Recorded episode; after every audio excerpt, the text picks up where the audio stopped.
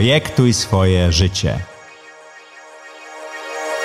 Zapraszam Was do mojej autorskiej audycji Zaprojektuj swoje życie. Przedstawiam Wam osoby, które w swoim życiu podjęły nietuzinkowe wyzwania. Moje pytania nie należą do łatwych, ale inspirują do zastanowienia się nad tym, co nas napędza i dokąd zmierzamy. Odpowiedzi moich gości są mądre biznesowo i życiowo. Pomogą Wam zainspirować się do świadomego i odważnego projektowania swojego życia. Cześć, witajcie w kolejnej audycji Zaprojektuj swoje życie. Dzisiejszym gościem jest Paula Pól. Bardzo dziękujemy, że zgodziłaś się do nas przyjść, opowiedzieć o swojej historii projektowania życia i o swoim biznesie. Dzień dobry. Dzień dobry. Czy pamiętasz, kiedy się poznaliśmy? Szczerze mówiąc, ja nie pamiętam dokładnie naszego pierwszego spotkania, bo pewnie byłam jeszcze bardziej zestresowana niż teraz. Bo to, co opisałam na Facebooku, ja nie wiem, dlaczego spotkania z tobą mnie autentycznie stresują. Ja nie mam problemów ze spotkaniami z ludźmi. Ale dlaczego spotkania ze mną ciebie stresują?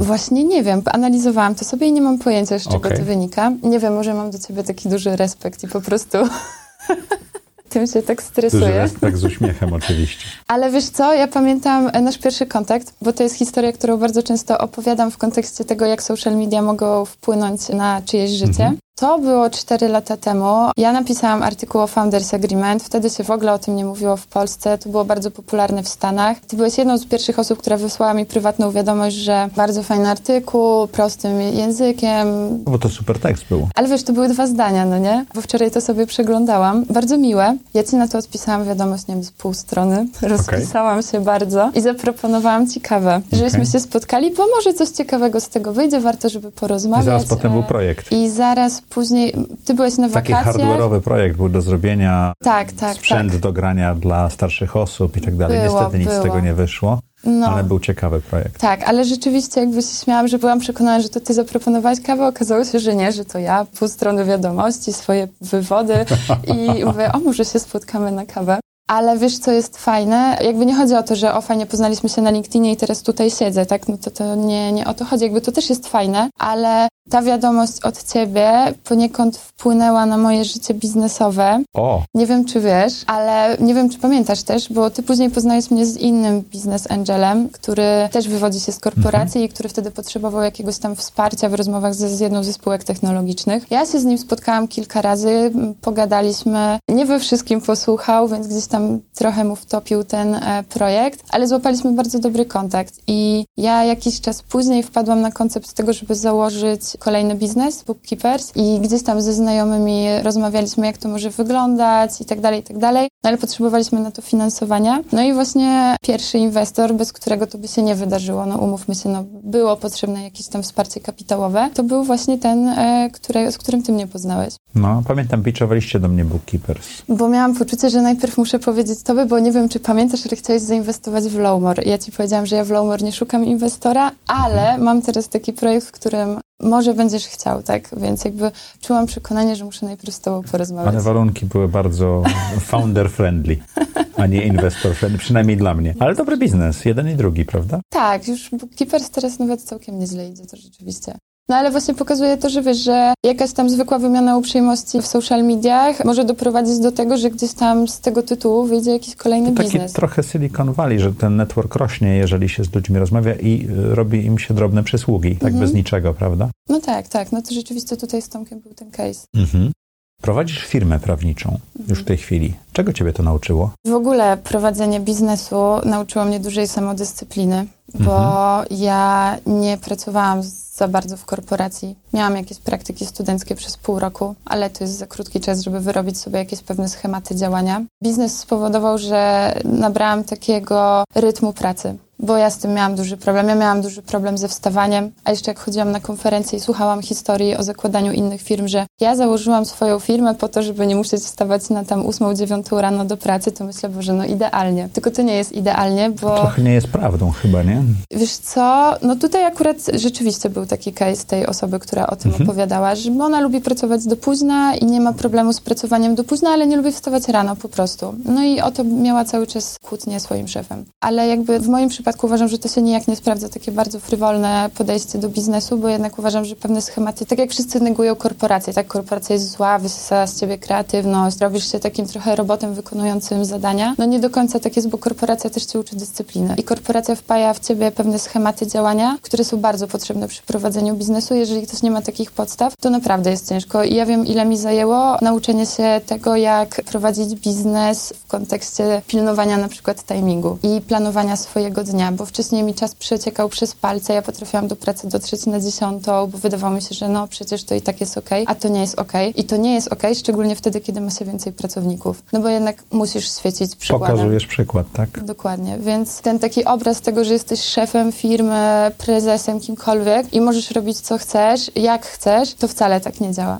To jak to działa? Moim zdaniem, jeżeli ma to funkcjonować dobrze, no to musisz dawać jedna ten przykład. Bo wydaje mi się, że też mamy teraz takie pokolenie ludzi, ja pracuję głównie z młodymi osobami, które patrzą na ciebie i sobie myślą, no okej, okay, ty nie pracujesz, ty się opierdzielasz, w sumie wpadniesz do pracy na dwie godziny i się zawiniesz i tutaj zaraz jakieś dodatkowe zajęcia i tak dalej, a ja mam na ciebie pracować. No nie. Więc jakby, wiesz, gdzieś tam wydaje mi się, że pokolenie tych szczególnie właśnie młodszych osób ma takie poczucie, że wiesz, że fajnie, żebyśmy grali w jednym zespole. Takie poczucie bycia fair, takiej drużynowej tak, ale ja, ja, jak najbardziej to rozumiem, więc wiesz, ja mam podejście zadaniowe, tak? Zrealizujesz swoje zadania, możesz sobie iść do domu, nie wiem, na siłownię, cokolwiek tam ktoś sobie wymyśli. Nie ma czegoś takiego, że masz siedzieć do tej i do tej godziny, bo tak, bo ja ale sobie jak tak jest robota, to też się siedzi dłużej, prawda? Tak, w takiej, ale czasem... Szczególnie w takiej firmie jak twoja, tak?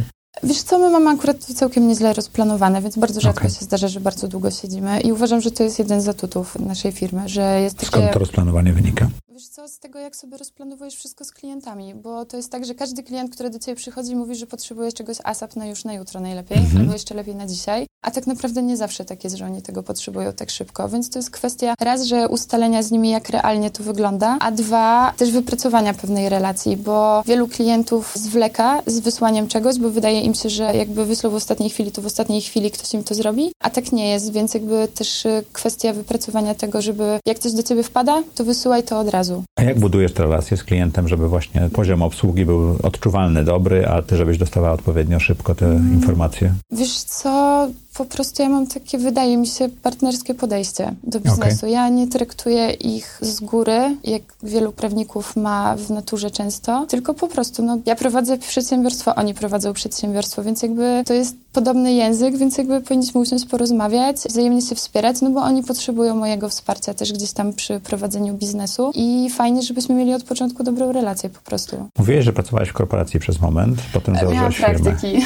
Miałaś praktyki. To opisz ten proces stawania się przedsiębiorcą twój W sensie, jak wpadłam na ten pomysł, żeby w ogóle założyć e, swój własny biznes, również. Ja chyba przechodziłam opóźniony syndrom buntu nastolatka Okej. w wieku 24 e, lat. Tak się śmieję, ale, ale chyba rzeczywiście tak było, bo generalnie ja zawsze byłam takim poukładanym, przykładnym dzieckiem, które zawsze realizowało wszystko tak, żeby rodzice byli zadowoleni, więc Mhm. zawsze czerwony pasek, wzorowy uczeń i tak dalej. I w pewnym momencie trafiłam do trochę innego środowiska, bardziej przedsiębiorczych osób, bo wcześniej wiadomo, że się obracałam w prawniczym środowisku, a tam jednak mindset jest jeden, ukierunkowany na prawo, na bardzo jasną ścieżkę rozwoju i raczej... Aplikacja sędziowska, czy tam... Tak, tak, więc jakby ja, ja też zakładałam, że idę na aplikację i nie widziałam dla siebie innej możliwości, ale przez to, że na studiach trafiłam jeszcze do takiej fundacji dla studentów i poznałam tam kompletnie innych ludzi, to oni mi trochę przestawili mindset. Ja stwierdziłam, kurczę, a dlaczego ja nie mogę sobie zrobić takiego roku przerwy, bo ja nazwałam taki swój gapier, ale nie gapier na Po podróżowanie studiach? Po studiach. Tylko, że chciałabym spróbować czegoś innego, bo już wiedziałam, że jeżeli wpadnę w ten kołowrotek takiej prawniczej machiny, no to ja z tego nie wyjdę, ja już w tym zostanę, no umówmy się, no już jak zaczynasz tą aplikację, to już ją skończysz, później będziesz pracować w jakiejś kancelarii i tak dalej, nie jest łatwo wyjść. A jeżeli byłam jeszcze na etapie, kiedy w sumie ktoś mi zaszczepił myśl, że przecież to, że jestem młoda, to nie znaczy, że nie mogę prowadzić biznesu, bo tam wszyscy, których poznałam, mieli takie podejście, że przecież jesteśmy młodzi, więc to jest nasz atut, więc możemy zacząć coś fajnego. Więc stwierdziłam, że no czemu ja bym nie mogła? A z tym buntem to po prostu moi rodzice bardzo byli przeciwni. Mój tata prowadzi Temu, temu gapier? temu, że w ogóle wpadłam na genialny pomysł e, zakładania swojego biznesu, że to jest głupota. Co ciekawe, mój tata sam prowadzi swój biznes od ponad 20 lat i dla niego to było nie do pomyślenia, po cholerę ty się będziesz pchała w ten swój biznes, że to jest takie trudne, to jest permanentny stres, cały czas jakieś problemy, czy to z klientami, czy z jakimiś kontrahentami, podwykonawcami i tak dalej, i tak dalej. I mówi, po co ci to? No i oni byli totalnie przeciwni tej decyzji. Ja się śmieję, że jak mój tata nie lubi Warszawy, to nawet był w stanie przyjechać do Warszawy, żeby ze mną na ten temat porozmawiać, czy jestem pewna, że chcę zakładać swój biznes. Okej, okay. no i byłaś pewna. Byłam, bo stwierdziłam, że to jest też moment, kiedy w końcu muszę robić tak, jak ja chcę, a nie tak, jak inni tego oczekują, że powinnam robić. Ja chyba miałam za dużą potrzebę w sobie tego, żeby robić tak, jak inni będą uważali, że to jest słuszne. Mhm. Nieważne, czy to rodzice, znajomi, chłopak, ktokolwiek, ale gdzieś tam miałam w sobie takie poczucie, że tak się powinno, bo co inni powiedzą. Tak jak ja chcę, jest bardzo ciekawym, takim powtarzającym się wątkiem u nas, co powoduje, że mi się też zaczyna dość dużo w głowie układać, ale tak jak ty chciałaś ułożyć ten biznes, to było co pomaganie innym firmom ale dobrze robić? moją pierwszą firmą nie było Lomar.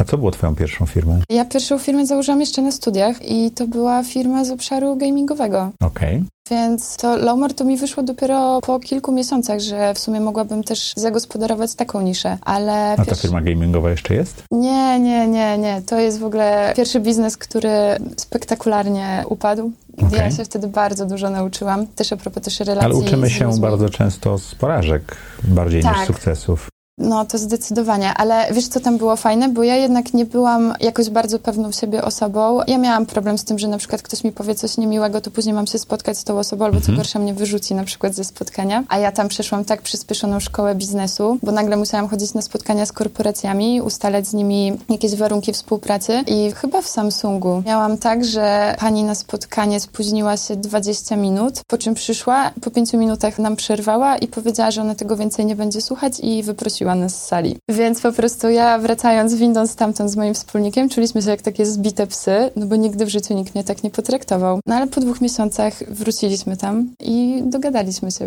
A gdyby ktoś wcześniej mi powiedział, że ja coś takiego zrobię, nie ma opcji. Wytrwałość we własnym biznesie jest niezbędna, prawda? Tak, ale też wiesz co, Antonina Samecka z Risk Made in Warsaw powiedziała kiedyś mhm. fajną rzecz, że trzeba mieć obniżone poczucie obciachu. I... Bardzo dobrze powiedziane. Tak, i powiem Ci, że ja przez długi czas miałam z tym problem i stwierdziłam, że, że jeżeli mam się tego wyzbyć, to muszę zacząć to szkolić. I ja to szkoliłam jeszcze, wiesz, już w trakcie, kiedy miałam low more, to wiesz, starałam się... Jak to szkoliłaś W takim sobie? sensie, bo wiesz, każdy ma inną definicję poczucia... Obciachu. E, tak, obniżonego obciachu. Dla mnie problemem było na przykład podejście i zagadanie obcej osoby, bo nie wiem, bo mam do niej jakiś biznes na przykład, albo po prostu chcę poznać. I dla mnie to było tak stresujące, że no, miałam z tym duży problem. I stwierdziłam, że nie, no halo Paula, jak Ty tego nie ogarniesz, to jest tak podstawowa umiejętność w biznesie, to jak ty chcesz dalej rozwijać swoją firmę? Nie da się. No więc stwierdziłam, ok, będę chodzić na wszystkie możliwe konferencje, będę sobie wybierać dwie, trzy osoby, z którymi będę chciała zagadać, ale to muszą być tak random takie... zupełnie? Nie, nie, nie. Wiedziałam, kto będzie wykładowcą okay. na przykład, albo jakimś tam panelistą i wybierałam sobie takie osoby, które wiedziałam, że będą oblegane i będzie mi trudniej do nich się dostać. Aha. I to mi rzeczywiście bardzo pomogło, więc jakby to, co wtedy powiedziała Antonina, to gdzieś tam na pewno wpłynęło. Taka mentalna siłownia dla ciebie to była, te, te konferencje. Straszne. Ja nawet miałam problem z telefonowaniem do ludzi. Więc ja byłam tak nieśmiała, że po prostu ja musiałam naprawdę przejść bardzo dużą szkołę. Okay. Więc ten pierwszy biznes naprawdę bardzo mi dużo dał. Ja się śmieję, że im się jest młodszym, tym lepiej zakładać pierwszą firmę. Bo jak jesteś starszy, to już masz tak, masz dzieci, masz męża, żonę, masz kredyt. Coś do stracenia. E, dokładnie, więc jakby no musisz przekalkulować ryzyko, na ile jest to rozsądne, żeby zaczynać coś kompletnie nowego. A ja wtedy, kiedy miałam ten gapier, kiedy podjęłam decyzję, że zrobię sobie ten gapier, to stwierdziłam tak, nie mam męża, nie mam dzieci, nie mam kredytu, w razie czego mam backup w postaci rodziców. I mogę wiem, wrócić na aplikację, tak? W razie czego coś tam sobie poradzę, więc jakby to by była głupota, gdybym nie spróbowała. Więc jakby wiesz, no i się śmieję, bo moja pierwsza firma, jedna z pierwszych, się nazywa YOLO Entertainment. E, okay. więc wiesz, co oznacza skrót. No i się właśnie śmieliśmy z moim wspólnikiem, bo na nazwę wpadliśmy, jak staliśmy pod Stadionem Narodowym, na którym miał się odbyć e, event, który robiliśmy i stwierdziliśmy, Boże, co my robimy? Przecież my kompletnie nie mamy pojęcia, co tu się wydarzy. W sensie, o czym pomyśleliśmy, o czym nie pomyśleliśmy, jak sobie poradzimy z fakapami, a czy na pewno wszystko zostało dokładnie rozplanowane, a czy wszystko przyjedzie, czy nie przyjedzie. Przecież my w ogóle nie mamy pojęcia, co, co tu się będzie działo. Okej. Okay. No takie YOLO i, i, Tutaj Kuba zrobi YOLO, you only live once, tak. Albo takie tag life. Albo takie tag life, tak. Ale... Słuchaj, a skąd pomysł na tą firmę prawniczą, która, no bo efektywnie założyliście firmę, która pomaga startupom, tak? Jest na to mhm. ukierunkowana, tak?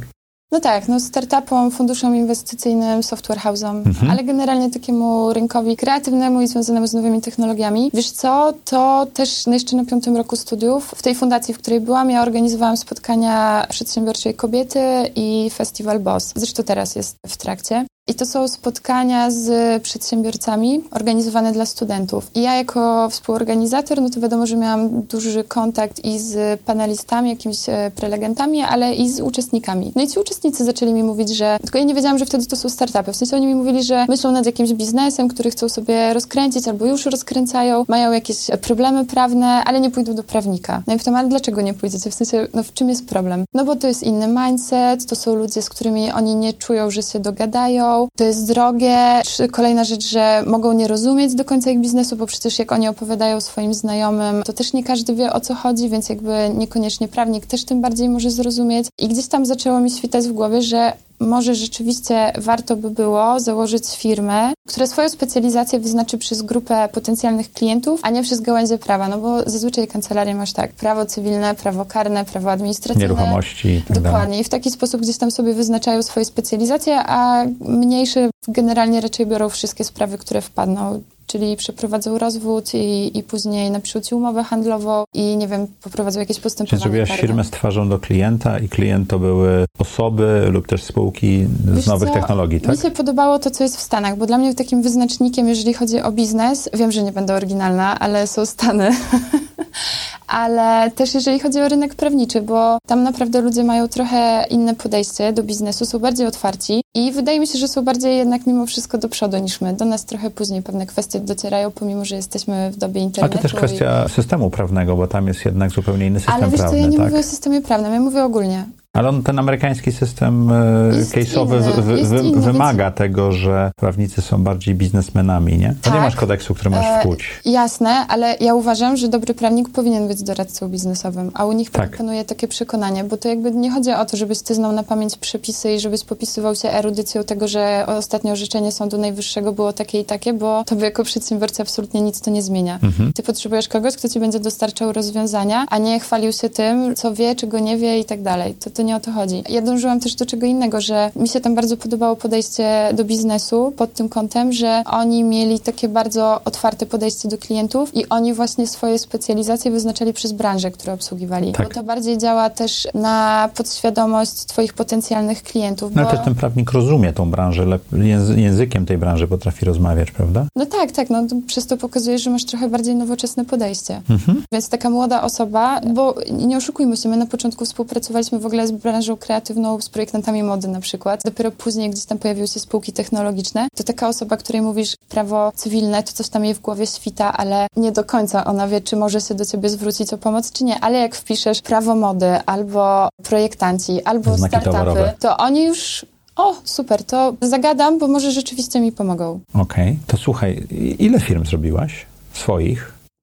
A ile firm obsłużyła twoja kancelaria? Dużo. Kilkadziesiąt, dużo. prawda? No więcej. Kilkaset. Transakcji zrobiliśmy pod setkę, więc... E, no dobrze. To teraz masz tą skarbnicę wiedzy zdobytą i na swoich pieniądzach, i czasie, i pocie, i na rozmowach z innymi. Spotykasz młodego lub starego człowieka. Mhm. Od czego powinien zacząć? Ma pomysł na biznes.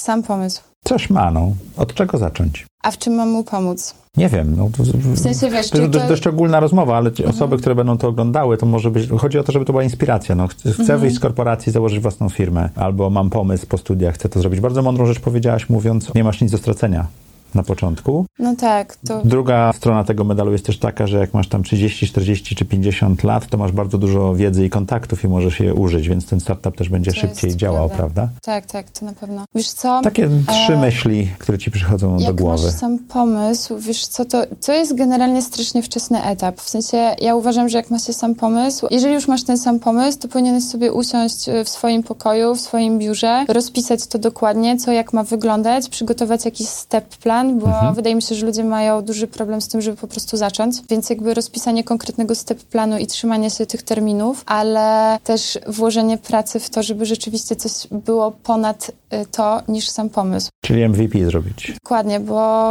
sam pomysł, no wiesz, no ja mogę mieć miliony różnych pomysłów i co z tego? No najważniejsze jest dowiedzienie tego pomysłu, a z moich doświadczeń wynika... No dobrze, to masz małą firmkę, 3-4 osoby, mhm. to już zaczyna działać. Co dalej? No pytanie, czy już potrzebujesz finansowania, czy jeszcze jesteś w stanie gdzieś tam organicznie się rozwijać? No to jest właśnie dobre pytanie. Zaczynasz być na tym etapie, że za chwilę będziesz potrzebować finansowania. Mhm. Gdzie szukać inwestora? Gdzie zadzwonić? Do kogo Wiesz co, napisać? Zanim inwestor, bo to jest bardzo istotne, bo też widziałam wiele takich sytuacji, że biznesy zazwyczaj tworzą grupy osób. Rzadko się zdarza, żeby to była tylko Jedna one osoba. man business, tak? To zazwyczaj masz kilka osób, więc bardzo ważne jest to, żeby zanim do inwestora, to żeby usiąść z tymi wspólnikami i przegadać wszelkie kwestie formalne między nimi. Czyli Bo- Founders Agreement, o którym Czyli pisałaś. taki founders agreement, bo powiem Ci, że ja już wielokrotnie widziałam sytuację, że w momencie, kiedy zaczynają się wstępne rozmowy z inwestorami, a nie daj Boże, nie ma jeszcze spółki, tak, bo to jest już w ogóle najgorsza sytuacja w tym case'ie, o którym mówię, bo nagle się okazuje, że jedna osoba była przekonana, że będzie miała więcej udziałów niż inna osoba i się zaczyna, tak, no a jak ci inwestor wejdzie do biznesu, w którym founderzy mają ze sobą problem. Transakcje VC i tak już są podniesionego ryzyka, więc jakby jak dochodzi dodatkowe ryzyko niedogadania się z problemów wewnętrznych między No founderami. to inwestorzy się, odsu- inwestorzy się odsuwają. Ale załóżmy, że mają dogadane, ta grupa Mhm. ludzi już spisała, nawet może ma umowę spółki ZO. Mhm. Gdzie szukać inwestora? No to są różne możliwości, są różne wydarzenia, na których można zapiczować swój biznes. Są wydarzenia po prostu networkingowe, branżowe, na których można poznać inwestorów, aczkolwiek tutaj też jest jedno zagrożenie, że zaczniemy za dużo chodzić na wydarzenia, zamiast skupiać się na prowadzeniu biznesu, bo to też jest Jedna trzecia branży żyje z tego, że jest na wydarzeniach. Chyba tak czasami mam Tak, wrażenie, jak tak. nie więcej. Ale to powoli się zmienia, bo ostatnio byłam, to większości osób nie znałam, więc, e, Tak? więc się bardzo zmienia. Ale to jest rzeczywiście problem, żeby nie popaść w taki kołowrotek tego, że teraz będę pitchować na każdym możliwym konkursie, bo to też nie o to chodzi. Ale są takie dedykowane wydarzenia, ja na przykład takie robię. Czy to działa? Te konkursy, że, że firmy zdobywają? Czy raczej doświadczenie zdobywają, czy zdobywają inwestorów? Zdobywają inwestorów. Masz też office hours na przykład w kampusie organizowane różnych e, inwestorów, więc jakby jesteś w stanie się dogadać. No, ja, ja wiem, ja tam jestem w kampusie w tej chwili, więc wiem, jak to działa, ale tam są już spółki, które już bardziej zaawansowane, duże No bo są. Mhm. zależy z jakim inwestorem rozmawiasz. No biznes angela e, nie poznasz na office hours, no bo on nie będzie miał swoich No ale office hours. prawdopodobnie najlepszym inwestorem pierwszym jest anioł, prawda? Bardziej Znaczy- niż fundusz. Taki doświadczony, który potrafi pomóc. Tak, znaczy wiesz, to zależy przy jakim biznesie i przy jakiej skali, tak? Bo są niektórzy, którzy się rozwijają organicznie i rozwijają się na tyle dobrze, że już później szukają większej... Nawet nie, żeby nie potrzebują, bo ja uważam, że dobry biznes angel zawsze jest w cenie, bo to Mhm. nawet nie chodzi o kasę, którą wniesie do spółki, ale o takie smart money, czyli to, Wiedzę, to o czym kontakty. rozmawialiśmy. Kontakty, wiedza, to są naprawdę rzeczy, z, które... To, to no, jak znaleźć anioła biznesu? No to jest już trudne zadanie, więc... No ale co byś poradziła takim początkującym przedsiębiorcom, którzy robią ten gadżet, który coś tam kręci i Mhm. super się sprzedaje, ale nie za bardzo wiedzą, jak to dalej No, pociągnąć? z prywatnymi to powiem ci, że wydaje mi się, że chyba najłatwiej by było po prostu przez kogoś, kto już siedzi w tej branży dłużej i może znać takie osoby, bo szczerze mówiąc nie widzę za bardzo sytuacji, gdzie ktoś kompletnie randomowy, kto dopiero zaczyna dłubać nad swoim jakimś hardware'owym biznesem, pójdzie na event, na którym będą sami biznes angele. To Mało takich eventów już chyba nawet jest. Jakby są sieci aniołów biznesu i tam rzeczywiście można zapiczować, ale często tam już szukają jednak trochę bardziej zaawansowanych projektów, bo robią koinwestycje. Bardzo mądrą rzecz powiedziałaś, że y, najlepiej poszukać kogoś, kto zna aniołów biznesów Mhm. i dostać taki introduction, który zadziała, bo jak do mnie uderzają startupy, to jeżeli nie ma kogoś, kto mi przedstawia, to ja niespecjalnie jestem zainteresowany rozmową, więc to... Mhm. No bo też szanujesz swój czas, tak? No Tak, to... tak, tak, ale to bardzo mądrą rzecz, to tak jak ktoś będzie próbował założyć biznes, to spoko. Jakich dokumentów potrzeba? Oprócz ten Founders Agreement masz, umowa spółki prawdopodobnie. Co jeszcze potrzeba w takim momencie, Mhm. To znaczy, kiedy... inwestor nie będzie od nas wymagał ani founders agreement, ani umowy spółki, więc to jakby to też y, musimy sobie tam doprecyzować. Inwestor będzie wymagał deka, chociaż powiem Ci, że coraz częściej e, oczekują one-pagera, bo mają jakieś wylistowane kilka kwestii, które z ich punktu widzenia są najważniejsze i jeżeli nie jesteś w stanie ich bardzo prosto y, rozpisać na kartce papieru, to znaczy, że możesz być trochę takim, e, wiesz, e, takim być, nie wiem jak to się wodolejcą, wodo... Lejącym wodę. Lejącym wodę, dokładnie. Nie, no ale śmieję się. Generalnie wiesz, jakby deki są fajne, bo masz tak, bo zazwyczaj tam do 20 slajdów to są takie standardowe. Strasznie e, długi. Teaser powinien mieć tam 5-6 slajdów, prawda, max. No, teoretycznie, ale jak już ma te między 16 a 20 jest naprawdę bardzo dobrze, bo mi się zdarzało, że dostawałam takie po 40 parę i 60 parę Ale i ja nie byłam w stanie czytać? przez to przebrnąć i tłumaczyłam, że jeżeli ja nie jestem w stanie przez to przebrnąć, to tym bardziej inwestor przez to nie przejdzie. Więc jakby widzę, że jest teraz tendencja co do tego, żeby otrzymywać one-pagery i to nie one-pagery, takie jak kiedyś się robiło, czyli ładnie rozprojektowane graficznie te informacje, tylko po prostu punkt, załóżmy produkt, jakie y, masz rozwiązanie, punkt konkurencja, punkt zespół, jakby wiesz, jakieś tam plany rozwoju w kilku punktach opisane i to jak najbardziej jest jako wystarczające. Czyli jednostronicowy teaser, trochę dłuższy teaser być może i materiały źródłowe, niekoniecznie długa prezentacja. Gdyby inwestor miał konkretne pytanie, podsyłamy kawałek tego, czy Excela, Wiesz czy coś tam, tak? E, zazwyczaj jak już wyślesz one-pagera, to jeżeli zainteresujesz inwestora, to on już nie będzie oczekiwał deka, tylko po prostu się umówi z tobą na kola albo na spotkanie. I wtedy te, te materiały źródłowe są do, dobrze uporządkowane. prezentację, tak sobie zrobić ładnego speecha przed inwestorem, odpowiedzieć na wszystkie pytania i tak dalej. To jest ładny speech przed inwestorem. To jest bardzo ciekawy temat. Wbrew pozorom to jest bardzo ciężka rzecz, bardzo Tak. dobrze zaprezentować swój biznes, bo ja wielokrotnie widziałam, że ludzie potrafili się zaciąć i totalnie nie byli w stanie powiedzieć, co oni robią, albo mówili tak dookoła, że aż się sama zaczęłam zastanawiać, czy ja wiem rzeczywiście, co ten e, projekt robi. Więc to jest bardzo ważne, żeby wcześniej się przygotować i żeby umieć Ten elevator E, pitch jest niezbędny. No tak, no ja akurat nie jestem aż taką fanką tych elevator pitch albo jestem Uberem dla, bo to też była swego czasu moda, że zaprezentuj mi swój biznes na podstawie zdania. Jestem Uberem dla. No nie, no po prostu jakby No to nie jest przekonuje Uber, to do końca. co? Nie, nie, nie, ale chodzi o to, Ja rozumiem, że to Wiesz. rozwiązuje disruption, jest Tak. coś jeszcze, ale to... mm, więc jakby nie, ale generalnie no trzeba się spiąć, żeby potrafić jednak w paru zdaniach zwięźle przedstawić o co chodzi i nie ma opcji, że się nie da. Tak. Jak się nam wydaje, że się nie da, to znaczy, że źle podeszliśmy do tematu i trzeba jeszcze raz e, spróbować go e, przedstawić sobie, nie wiem, na kartce, rozpisać jakkolwiek, ale żeby osoba, która nie siedzi w naszym biznesie, była w stanie zrozumieć, o co chodzi. To skarbnica wiedzy na początek. Dziękujemy. Teraz wracamy do ciebie, żeby było łatwiej. Pięć własnych firm, kilkuset obsłużonych klientów, firmy robione z aniołami biznesu i też nie. Jak wyglądało to projektowanie twojego życia? To był jakiś proces przemyślany, czy to raczej się wydarzało, czy jak? To tak jak wcześniej mówiłam, początek absolutnie nie był przemyślany i to była kwestia A później? tego, że ja miałam to ADHD po prostu i musiałam coś robić. Teraz jest to bardziej zaplanowane na pewno, ale też nie jest tak, że ja sobie tworzę dziesięcioletnie plany z KPI-ami do realizacji, które sprawdzam co roku, w, w ilu procentach zostały To co wykonane. robisz? Ja mam mniej więcej ogólne podejście do tego, w jakim kierunku chcę rozwijać akurat Lowmore, ale nie mam konkretnego planu, konkretnych wyznaczników, jak krok po kroku ma się to odbywać, bo ja akurat wyznaję teorię, że większości rzeczy w życiu i tak nie jesteśmy w stanie dokładnie zaplanować. Czyli wiesz, dokąd chcesz dojść, ale jeszcze nie wiesz, jak to zrobić? Tak. Dobrze zrozumiałem? Tak, mniej więcej tak, bo wiesz co, bo w życiu, mi- przez ostatnie 6 lat życie pokazało, że może się wydarzyć naprawdę bardzo dużo nieoczekiwanych sytuacji, tylko od nas zależy, czy je wykorzystamy właściwie, czy nie. Więc jakby to nie jest tak, że wszystko jesteśmy w stanie przewidzieć i zaplanować. Wręcz uważam, że takie sztywne trzymanie się zaplanowanego jakiegoś tam naszego planu może być szkodliwe, bo wtedy nie, nie widzimy tych opcji, tych możliwości, które są wokół nas. Czyli taki mindfulness w drodze do celu. Trochę tak. Okej. Opowiadałaś o tym troszeczkę, o motywacji, ale jak wygląda twój taki typowy dzień? Nie ma, nie ma totalnie typowego dnia. Czyli nie jesteś o jakiejś godzinie w pracy, czy coś takiego? Staram się być przed dziewiątą w pracy, ale no jeżeli mam spotkania, no to mnie nie ma. Jestem po prostu na przykład dużo wcześniej, żeby odwieźć psa. A pies na stałe jest w pracy? Tak, tak. Okej. I to jest śmieszne, bo mój e, jedyny stały element w ciągu dnia to jest pół godziny spacer z psem. Rano? Nie, Wieczorem? e, po południu. Okej. W trakcie pracy wychodzę na pół godziny, żeby się z nią przejść i to akurat, szczerze mówiąc, mogę polecić wszystkim. To jest tak strasznie fajna sprawa, takie oderwanie się od biznesu, bo ja się wtedy staram nie rozmawiać przez telefon z ludźmi, a od kiedy mam AirPodsy, no to czasami zdarza mi się kole jeszcze zrobić, no bo jest trudniej z psem po prostu, jak się go trzyma na smyczy. Ale to jest fajne, bo się możesz na pół godziny oderwać, złapać dystans do jakichś spraw, szczególnie jak się chwilę wcześniej wkurzysz na kogoś i już po prostu piorunami tam będziesz słał. O której godzinie chodzisz na te spacery? Tak Między więcej. 14 a 15. Czyli w połowie dnia pracy praktycznie, tak, tak? tak, Więc to jest takie coś, kiedy możesz się oderwać, złapać trochę dystansu, przemyśleć jakieś kwestie i też odpocząć, bo jednak wiesz, no ja mam taki problem, że za bardzo wpadam w kołowrotek pracy i ja już jak usiądę, jak wcześniej nie miałam psa, to jak już usiadłam o tej na przykład dziewiątej, To siedziałaś cały to czas. siedziałam do 23 na przykład i wstawałam tylko po to, żeby coś zjeść. Ale powiedziałaś bardzo ciekawą rzecz dzisiaj, jak się rozgrzewaliśmy do rozmowy, że masz zawsze wyciszony telefon. Tak, to jest u mnie podstawa. Ja się tego nauczyłam już wiele lat temu i wiele osób czasami się na mnie za to denerwuje, że nie odbieram za pierwszym razem, ale ja im tłumaczę. Nie odebrałam za pierwszym razem, co się stało. No nic, oddzwoniłam po pięciu minutach.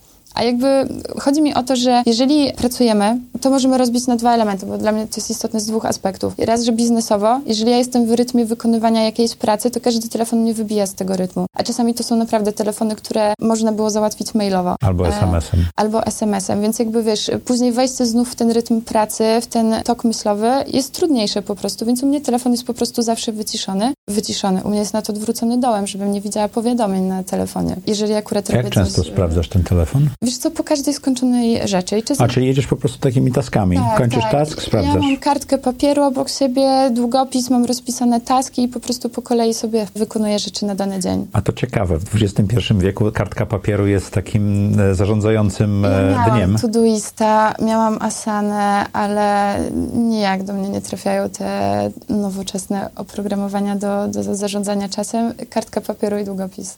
Ta satysfakcja z wykreślenia e, tak, linijki jest, jest wielka. Tak, tak. Więc jakby to naprawdę bardzo fajnie się sprawdza, polecam, bo na przykład ludzie już się teraz przyzwyczaili, więc... A ile zajęło ludziom przyzwyczajenie się do tego, że nie odbierasz i odzwaniasz? Szybko. Tak? No, po prostu jakby dzwonili, mówiłam, przepraszam, że nie odebrałam, mam wyciszony telefon. E, jak się później spotykaliśmy, to im tłumaczyłam, jakby okej, okay, rozumiem. Czyli cała twoja komunikacja jest asynchroniczna, włącznie z telefonem? No tak. Bo to Messenger i SMS jest asynchroniczny naturalnie, ale rozumiem, że telefon jest asynchroniczny i to jest normalne. Tak, no ale na telefonie, na telefonie też korzystasz z Messengera, tak? Tak, tak, tak, ja rozumiem. Wiesz, A jak rodzice dzwonią, czy coś takiego? Ale rodzice wiedzą, że w ciągu dnia generalnie jest ze mną utrudniony kontakt i jeżeli nie odbieram, to znaczy, że jestem zajęta i oddzwania jak tylko będę mogła. To się właśnie dzisiaj czegoś nauczyłem. Bardzo Ci dziękuję. Ale naprawdę Nie, to jest, niesamowite, to jest niesamowite rozwiązanie, takie bardzo pomagające w produktywności. Wiesz co, ja też miałam takie sytuacje, że klienci do mnie, um, oni wiedzą, że my wykonujemy pracę bardzo szybko, że możemy pracować w weekendy i nie mamy z tym problemów. I ja w pewnym momencie dałam sobie wejść na głowę tym, że klienci potrafili do mnie dzwonić o 22, 23, żeby przegadać jakąś rzecz. I po prostu, wiesz, no 22, 23 to nie jest godzina, o której się rozmawia o takich sprawach, szczególnie, że zazwyczaj one naprawdę nie wymagały tego, żeby w piątek o 23 na ten temat rozmawiać. Więc jakby to było dla mnie dodatkowym motywatorem, że nie, po prostu nie ma opcji żadnego dzwonienia. Ja w ogóle wykasowałam swój numer telefonu ze stopki w mailach. O, to jaki jest najlepszy sposób, żeby się z tobą skontaktować? Wiesz co, jeżeli ktoś naprawdę potrzebuje numeru, to po prostu pisze. Nie, nie, ale tak jak...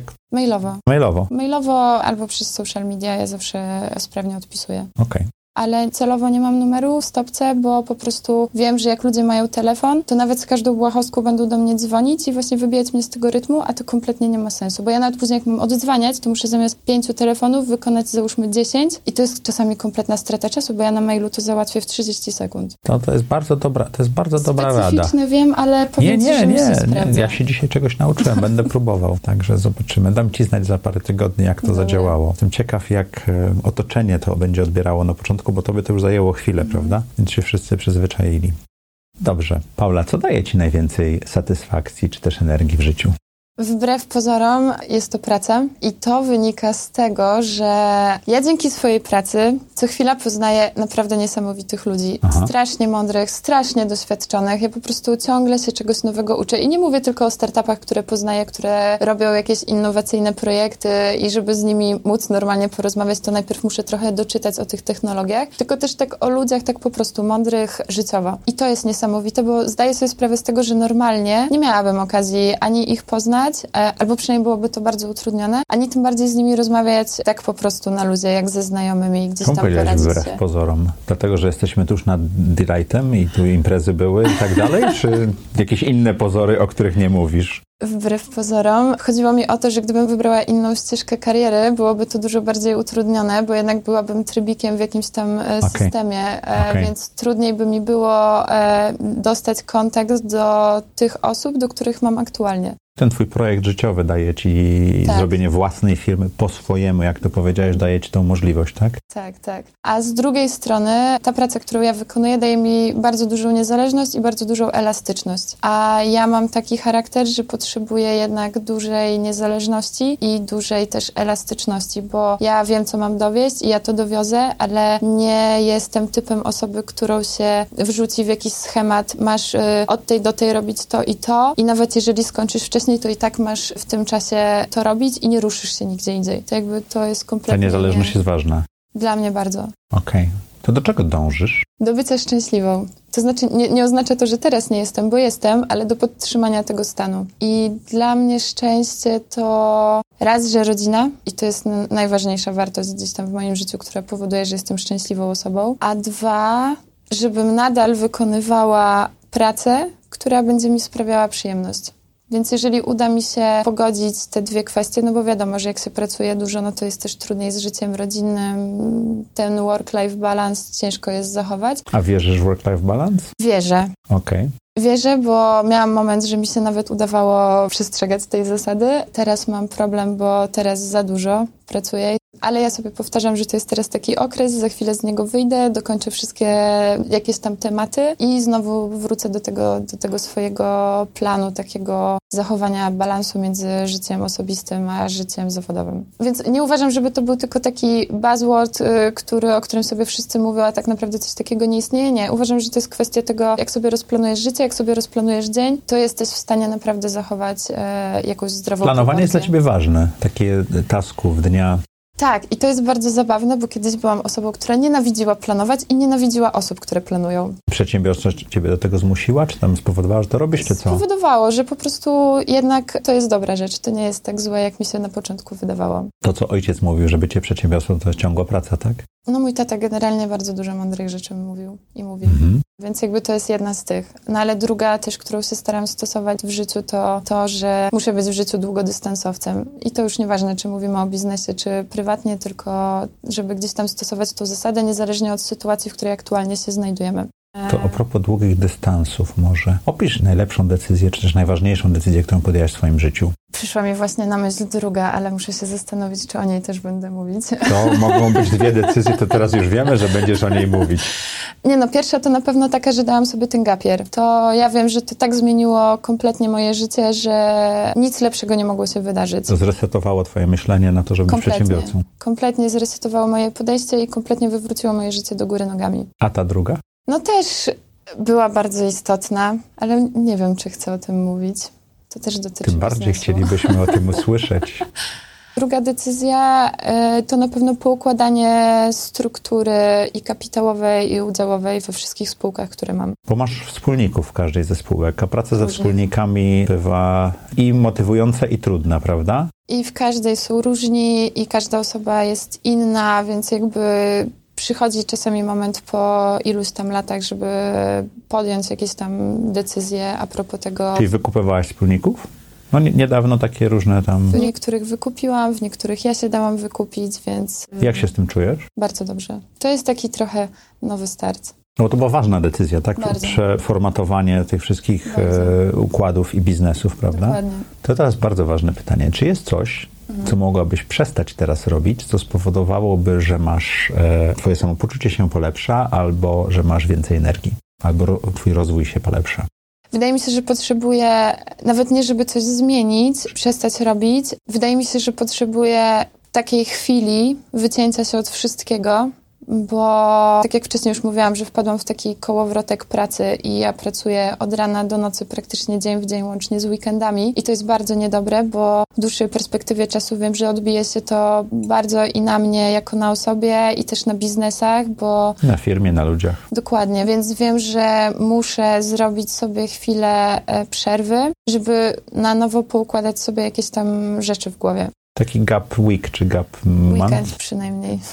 Nie wiem, czy to wystarczy. No jak masz coś przestać robić, bo jesteś teraz w pędzie, rozumiem, Jestem tak? Jestem strasznym. Czyli przestać pędzić na chwilę? Tak, bo wiesz co, bo muszę na nowo nauczyć się też delegować zadania, bo to jest bardzo trudne w biznesie. Masz nową strukturę w firmie i tak dalej, tak? Nawet nie o to chodzi, tylko znowu wpadłam w takie poczucie, że lepiej będzie, jak wszystko zrobię sama, a, a wcale czyli jesteś nie jest troszeczkę lepiej. na początku przedsiębiorczości, gdzie się wszystko próbuje samemu zrobić? Tak, znowu się zapętliłam w takie głupie myślenie, więc jakby muszę się zatrzymać zatrzymać, poukładać to sobie w głowie i zacząć na nowo delegować e, różne zadania. Okej. Okay. Mówiłaś dużo o ojcu, a y, takie twoje Power Five, to jest ten Tim Ferris moment. Mhm. Power Five, czyli pięć osób, które najbardziej na ciebie wpływają teraz to? Szczerze mówiąc, ja nie mam takich osób, które uważam za jakiś mój super wyznacznik i w 100% będę je naśladować, postępować podobnie mhm. i tak dalej, bo ja mam takie podejście do tego tematu akurat, że uważam, że każda napotkana osoba wnosi coś do naszego życia i jeżeli chcemy, to może być to coś naprawdę wartościowego, co, co pozytywnie może na nie wpłynąć. A ja mam szczęście, uważam, do poznawania wartościowych ludzi i Osoby, które mnie znają, wiedzą, że na przykład jestem fanką Bransona i jego podejścia mhm. E, do biznesu, ale to tak też nie, też nie jest tak, że jestem ślepo zapatrzona nie, w niego. Nie, ale Power Five to nie, to nie jest ślepe zapatrzenie, to jest po mhm. prostu osoby, które dają ci coś, co powoduje, że patrzysz, mhm. czy myślisz inaczej. To wiesz co, to jakbym miała tak wybierać, to, to na pewno są to moi rodzice. Mhm. I to pewnie nie jest jakoś super oryginalne, ale naprawdę oni mi dają dużą siłę do tego, żeby gdzieś tam trwać w tym, co robię, pomimo jakichś przeciwności, które co chwila się zdarzają. I wiem, że bez nich byłoby mi ciężko i właśnie to jest też paradoksalnie śmieszne, bo oni byli pierwszymi przeciwnymi e, temu, żeby zakładać ten biznes, a teraz są moimi pierwszymi osobami, które mnie wspierają w tym wszystkim. Na pewno moja wspólniczka, Ola. My jesteśmy totalnie różne, ale to też pokazuje, że jeżeli dobieramy sobie wspólnika... A to jest siła, prawda? Tak, to, to bardzo wzbudza też jakąś kreatywność i też zmienia ci patrzenie na wiele rzeczy, bo my jesteśmy jak ogień i woda. Na początku przynajmniej tak byłyśmy, teraz już może gdzieś tam się bardziej dotarłyśmy, ale to jest osoba, której ufam bezgranicznie i nie wyobrażam sobie prowadzenia biznesu z kimś, do kogo się nie ma zaufania i to jest naprawdę podstawowa... Jak to zaufanie zdobyłaś? Wiesz co, no przez 6 lat my przeszłyśmy naprawdę bardzo dużo ciężkich chwil. Mhm. Z pięć razy to firmę zamykałyśmy, więc nasze Pierwszy. Czemu zamykałyście firmę pięć Bo razy? Bo nijak nie byłyśmy się w stanie dogadać na początku. A za zamykałyście nie z powodów finansowych, tylko nie, współpracy? Nie, nie, z powodu tego, że ja po prostu widziałam coś kompletnie inaczej niż Ola. Ja chciałam rozwijać coś inaczej, e, Ola coś inaczej. I po prostu miałyśmy tak silne charaktery, że no ciężko było nam się gdzieś tam zejść. Ale wiesz co, ważne było to w tych chwilach, takich naprawdę ciężkich, bo to, to nie jest tak, że to jest droga usłana różami, jak się niektórym wydaje, że biznes jest taki super kolorowy, szczególnie ludziom, którzy nie, nie, nie prowadzą swojej firmy. To to naprawdę była ciężka droga, ale pomimo, że były sytuacje, gdzie mogła się zachować nie fair, bo było to na przykład dla niej korzystne, to tego nie zrobiła. I jakby to jest naprawdę jedna z nielicznych osób, do których mam pełne zaufanie. Więc to jest na pewno osoba taka moja, którą by mogła zaliczyć do Power Five. Na pewno taką osobą jest mój inwestor, Dawid. Ja bardzo dużą uwagę przykładam do wartości, którymi ludzie się kierują w życiu. W mhm. sensie, wiesz, doświadczenie zawodowe, które możesz nabrać w trakcie wykonywania pracy, prowadzenia biznesu, okej, okay, to są bardzo ważne kwestie, ale je możesz nabyć a wartości, którymi się kierujesz w życiu, albo się nimi kierujesz, albo się nimi nie kierujesz, albo masz je głęboko zakorzenione, albo nie. I Dawid jest przykładem na to, że można robić niesamowity biznes, e, można być bardzo przedsiębiorczą osobą, ale przy tym wszystkim zachować w sobie taką uczciwość i nie stawiać na pierwszym miejscu w biznesie pieniędzy, tego, żeby, nie wiem, no, nie wiem, szybko się dorobić. Ja wiem, że wszyscy mówią, że tego nie robią, tylko w praktyce później się okazuje inaczej, a Dawid jest realnie osobą, która ma bardzo, bardzo spójny system wartości z moim i to jest naprawdę bardzo rzadko spotykane. to jakie są Twoje wartości? Przede wszystkim taka uczciwość do ludzi, mhm. bo tego mi chyba najbardziej brakuje w biznesie, takiej uczciwości w stosunku do innych osób. Uczciwości też rozumianej różnie, bo raz, że możesz być uczciwy po prostu jako uczciwy wspólnik, że nie będziesz kogoś e, oszukiwał na przykład na kasie, ale też uczciwość w zakresie takiej prawdomówności, czegoś takiego, że możesz z kimś porozmawiać szczerze o jakichś problemach i ta osoba nie wykorzysta tych twoich problemów, żeby później na tym skorzystać. Więc, więc tak, więc to jest dla mnie najważniejsza rzecz w biznesie. I powiem ci, że po jakichś tam ostatnich przejściach rzeczywiście bardzo mi się zmieniło podejście do ludzi. Ja już nie jestem teraz tak super ufna w stosunku do, do, do nowo poznanych osób, czy takich, które znam jakoś tam, nie wiem, rok, bo jak się okazuje, że rok to też nie jest mhm. duży, długi czas. I jakby utwierdziło mnie to w tym, że to jest y, zasada, którą, którą muszę się kierować w życiu i której będę szukała na pewno u ludzi, z którymi coś robię. A Dawida już znam sporo lat i naprawdę imponuje mi tym, jak, y, jak działa. A jak szukasz tych wartości u osób, które na nowo poznajesz? Nie szukam, to wychodzi. To wychodzi w Nie jesteś w stanie przewidzieć. W sensie, okay. no może ci się wydawać, że masz intuicję i że ta osoba na, na pewno nie zrobi nic złego, nie zrobi nic wbrew tobie, nie wykorzysta ciebie, a za pół roku to wiesz, to możesz okay. się śmiać z tego, co sobie myślałeś, czy tam za, czy za rok, czy za dwa lata, więc jakby to wszystko wychodzi w praniu, więc nie ma, nie ma reguły. Okej, okay. czyli duża otwartość na to, że pozwalasz sobie na robienie błędów również w decyzjach ludzkich. No tak, no to, to na, na błędach opiera się cały biznes. To pokaż mi przedsiębiorcę, który prowadzi biznes idealnie, nie popełniając żadnych błędów. No nie ma. Tylko saper myli się raz, tak? Dobrze, że nie, nie mam takiego zawodu. to prawda. Ale wiesz co, jak jeszcze chodzi o tych ludzi, to wydaje mi się, że ja mam szczęście do kobiet, które poznaję w biznesie, bo jednak nie mam jakichś dobrych doświadczeń z, z kobietami, bo jednak różne, różne, różne historie gdzieś tam w międzyczasie przerobiłam, ale te, które poznałam w biznesie, czy nie wiem, na przykład Małgosia Walczak, czy Ola Hinz, to są strasznie fajne, strasznie silne kobiety, które też mi dały takie poczucie. Na przykład Małgosia nauczyła mnie tego, że e, ja przestałam tak bardzo zwracać uwagę na to, co inni sobie myślą, co mówią. Nie wpływa już to na mnie tak, jak wpływało kiedyś, a kiedyś rzeczywiście to, to miało dla mnie duże znaczenie i negatywnie się odbijały na mnie tego typu kwestie. Teraz jakby się bardzo do tego zdystansowałam. I na przykład, nie wiem, no dzięki Oli, gdzie wszyscy wychodzą z założenia, nie no przecież wy jesteście konkurencją, no w życiu, przecież to jest ściema, że wy tak się kumplujecie. Na pewno za plecami siebie obgadujecie. No nie, no tak nie jest, my się autentycznie przyjaźnimy, co my sobie podsyłamy wręcz klientów y, wzajemnie. No też różne specjalizacje, różne... Tak, ale one gdzieś tam na siebie zachodzą. trochę zachodzą, ale jakby wiesz, no to nie jest najważniejsze w tym wszystkim. Mhm. Mamy o tyle fajnie, że Ola ma jeszcze większą taką e, radość z życia w sobie i po prostu jak ja łapię jakieś y, gorsze chwile, to wiem, że jak sobie z nią porozmawiam, to zaraz wrócę na swój rytm i odwrotnie i to jest też y, strasznie fajne. Trzy rzeczy, które chciałabyś robić za trzy lata. A prywatnie czy zawodowo? Tak. tak. Tak, no, tak, to sześć rzeczy, tak nagle, sześć rzeczy nagle się zrobiło. E, nie, trzy, trzy rzeczy, które tak bardzo byś chciała mhm. robić za trzy lata. Wiesz co, no, mogę powiedzieć prywatnie, bo to jest mi, jest mi łatwiej powiedzieć. Ja za trzy lata będę miała prawie 33, więc już mhm. y, bardziej słuszny wiek osiągnę. Oj tam. Nie no, żartuję. Ale wiem, że na pewno już bym chciała albo mieć, albo być na etapie budowania rodziny. Mhm. To pewnie, nie wiem, y, takie ckliwe teksty się przewijają przez ten wywiad o rodzinę i tak dalej, ale rzeczywiście jest to dla mnie ważne. No to jest ważna część naszego życia. I wiem, że na pewno za trzy lata, jak nie będę miała, to gdzieś tam wiem, że na pewno już będę mocno nad nią pracowała. Okay. A wiesz co, zawodowo? Nie wiem, chciałabym nadal robić to, co sprawia mi przyjemność. I szczerze mówiąc, ja Ale wiem... to prowadzenie firmy, czy inwestowanie w firmy, czy co jest tą rzeczą? Czy jedno i drugie? Wiesz co, ja równie dobrze mogę już za pół roku robić kompletnie coś innego, niezwiązanego ze startupami, ale sprawiającego mi przyjemność. Okay. Więc jakby wiesz, ja się nie przywiązuję do konkretnych czynności, tylko do tego, co te czynności, które wykonuję w życiu, w jaki stan Dają mnie wpędzają. Tak. Bo wiesz, no możesz inwestować, możesz zarabiać dużo pieniędzy i tak dalej, ale co z tego, jeżeli ci nie będzie sprawiał to frajdy? Ty się będziesz męczył. Po Rodzina, rozwijanie biznesów, żeby dawało to frajdę, a to trzecia rzecz to? Połączenie tego wszystkiego, bo to jest a. najtrudniejsze zadanie. Wiesz, złapanie balansu między tym wszystkim, szczególnie jak się wkręcasz w tą pracę i dużo, dużo rzeczy równocześnie robisz, to będzie wyzwanie, żeby to wszystko pogodzić. Mhm. Kibicujemy. Dziękuję. Będziemy tutaj zapraszać Cię w takim razie, jak już będziesz w tym szale balansowania mhm. jeszcze bardziej skomplikowanych rzeczy, żeby wyjdzie. opowiedzieć. Na mhm. pewno Ci wyjdzie pytanie, jak Ci wyjdzie i to będzie bardzo, no tak, ciekawa, okay. bardzo ciekawa e, rozmowa moim zdaniem. Okej, okay, to bardzo dobrze, to czyli już mam zaproszenie na kolejny tak jest, odcinek. Tak jest, już będzie.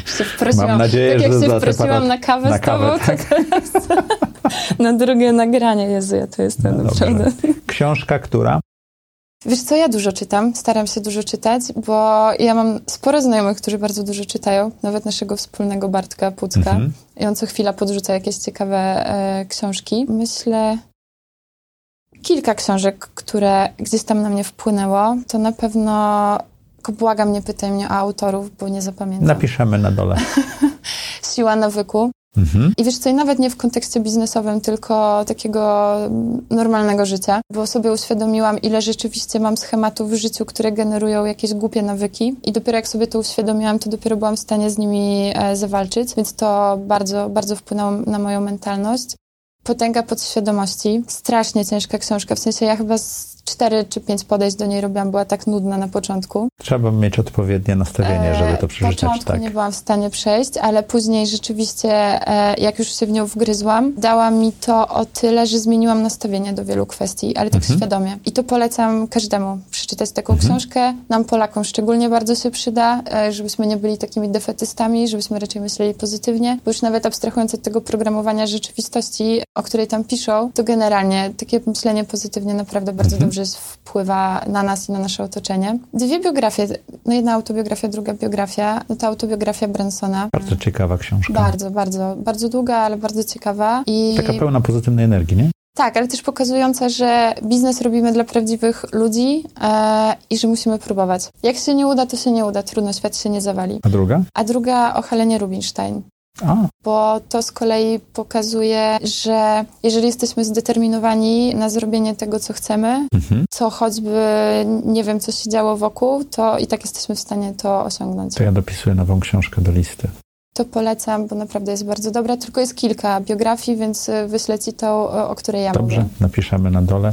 Słuchasz? Czytasz na Kindlu, czytasz w papierze, czytasz po polsku, czytasz po angielsku? E, czytam w papierze i czytam po polsku. Okay. Kiedyś czytałam na Kindlu, ale jednak stwierdziłam, że fajnie jest mieć te książki na półce w domu, czasami sobie na nie zerknąć, przypomnieć sobie jakieś rzeczy. Kindla używam tylko w podróży. Okej. Okay. To też rzeczywiście jest wygodne, bo można wziąć. Ale mm, siłę nawyku mam i na Kindlu, i, na, i w papierze. Helena Rubinstein, podobnie wiele mam tych książek, że mam podwójnie. To, to jak jest dobra książka, to warto ją mieć e, no. pod ręką wiele razy. Ola, co chciałabyś, żeby nasi słuchacze i widzowie zapamiętali z tej rozmowy? Ja nie wiem, czy z tej rozmowy zapamiętają, bo w sumie pewnie moglibyśmy o, ty, o, o takich rzeczach jeszcze gadać i gadać, ale na pewno to, żeby próbować. I się mhm. nie bać. No ja jestem ze wsi, wiecie, z takiej wsi pod Białorusią, gdzie tam kompletnie nic nie ma i żubry sobie chodzą przez drogę. E... Czyli okolice Sejnów. No, Prawie. No, jeszcze dalej, więc, e, więc no, ja mam dom przy samej granicy z Białorusią, więc, okay. E, więc naprawdę jest bardzo daleko. Ale nie o to chodzi. Chodzi mi o to, że naprawdę nawet jeżeli jest się właśnie z jakiejś wsi, małej miejscowości, nie ma się jakichś kontaktów ani nic takiego, jest się kobietą. Bo podkreślmy, to my możemy sobie mówić o tym, że kobiety równouprawnienie i tak dalej. Nie, a szczególnie w męskich branżach, kobiety naprawdę mają trudniej. To nadal się da, jak się chce. Więc jakby to jest ważne, żeby o tym pamiętać, żeby próbować i żeby zaczynać jak najszybciej. I uważam, że wręcz y, młodzi ludzie powinni na studiach, nawet jeżeli studiują, załóżmy, nie wiem, ekonomię, prawo, jakieś filmoznawstwo, cokolwiek, żeby próbowali kompletnie innych rzeczy, bo oni nie wiedzą jeszcze, co im się może spodobać w życiu. A na studiach to jest dobry moment, żeby spróbować czegoś kompletnie innego, bo umówmy się, nie jesteśmy na studiach tak zarobieni, że nie mamy czasu na inne rzeczy, mamy go bardzo dużo. Więc warto by go było po prostu dobrze wykorzystać. Czyli zaczynajcie prędko i jak się chce, to się da. Paula, dziękuję za bardzo inspirującą rozmowę o Twoim projekcie Życie. Bardzo dużo się nauczyłem. Mam nadzieję, że nie ma dużo głupot. Głupoty nie wytniemy, tylko zostawimy do outtake'u. Dziękuję okay, Ci ślicznie. Dzięki.